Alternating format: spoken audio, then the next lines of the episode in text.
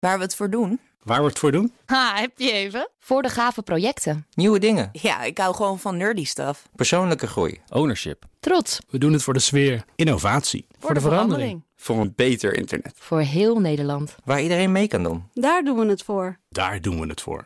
Waar doe jij het voor? Kom werken voor KPN en groei op jouw manier. Check de actuele vacatures op het gebied van data, security, development en networking op jobs.kpn.com/tech. Ik ben Carlijn Meinders. Dit is Wetenschap vanavond.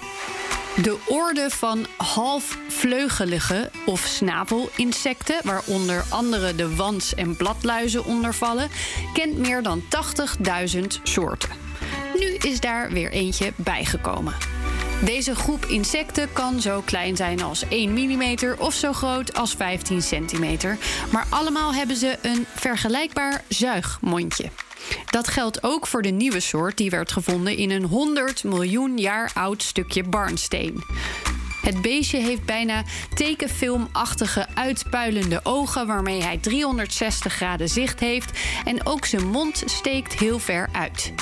Daarnaast heeft het klieren op de uiteinden van zijn pootjes die een plakkerige substantie bevatten, waarschijnlijk om meer grip te hebben op zijn prooi omdat het insect zo anders is dan wat we op het moment op aarde tegenkomen, heeft het zijn eigen uitgestorven familie gekregen.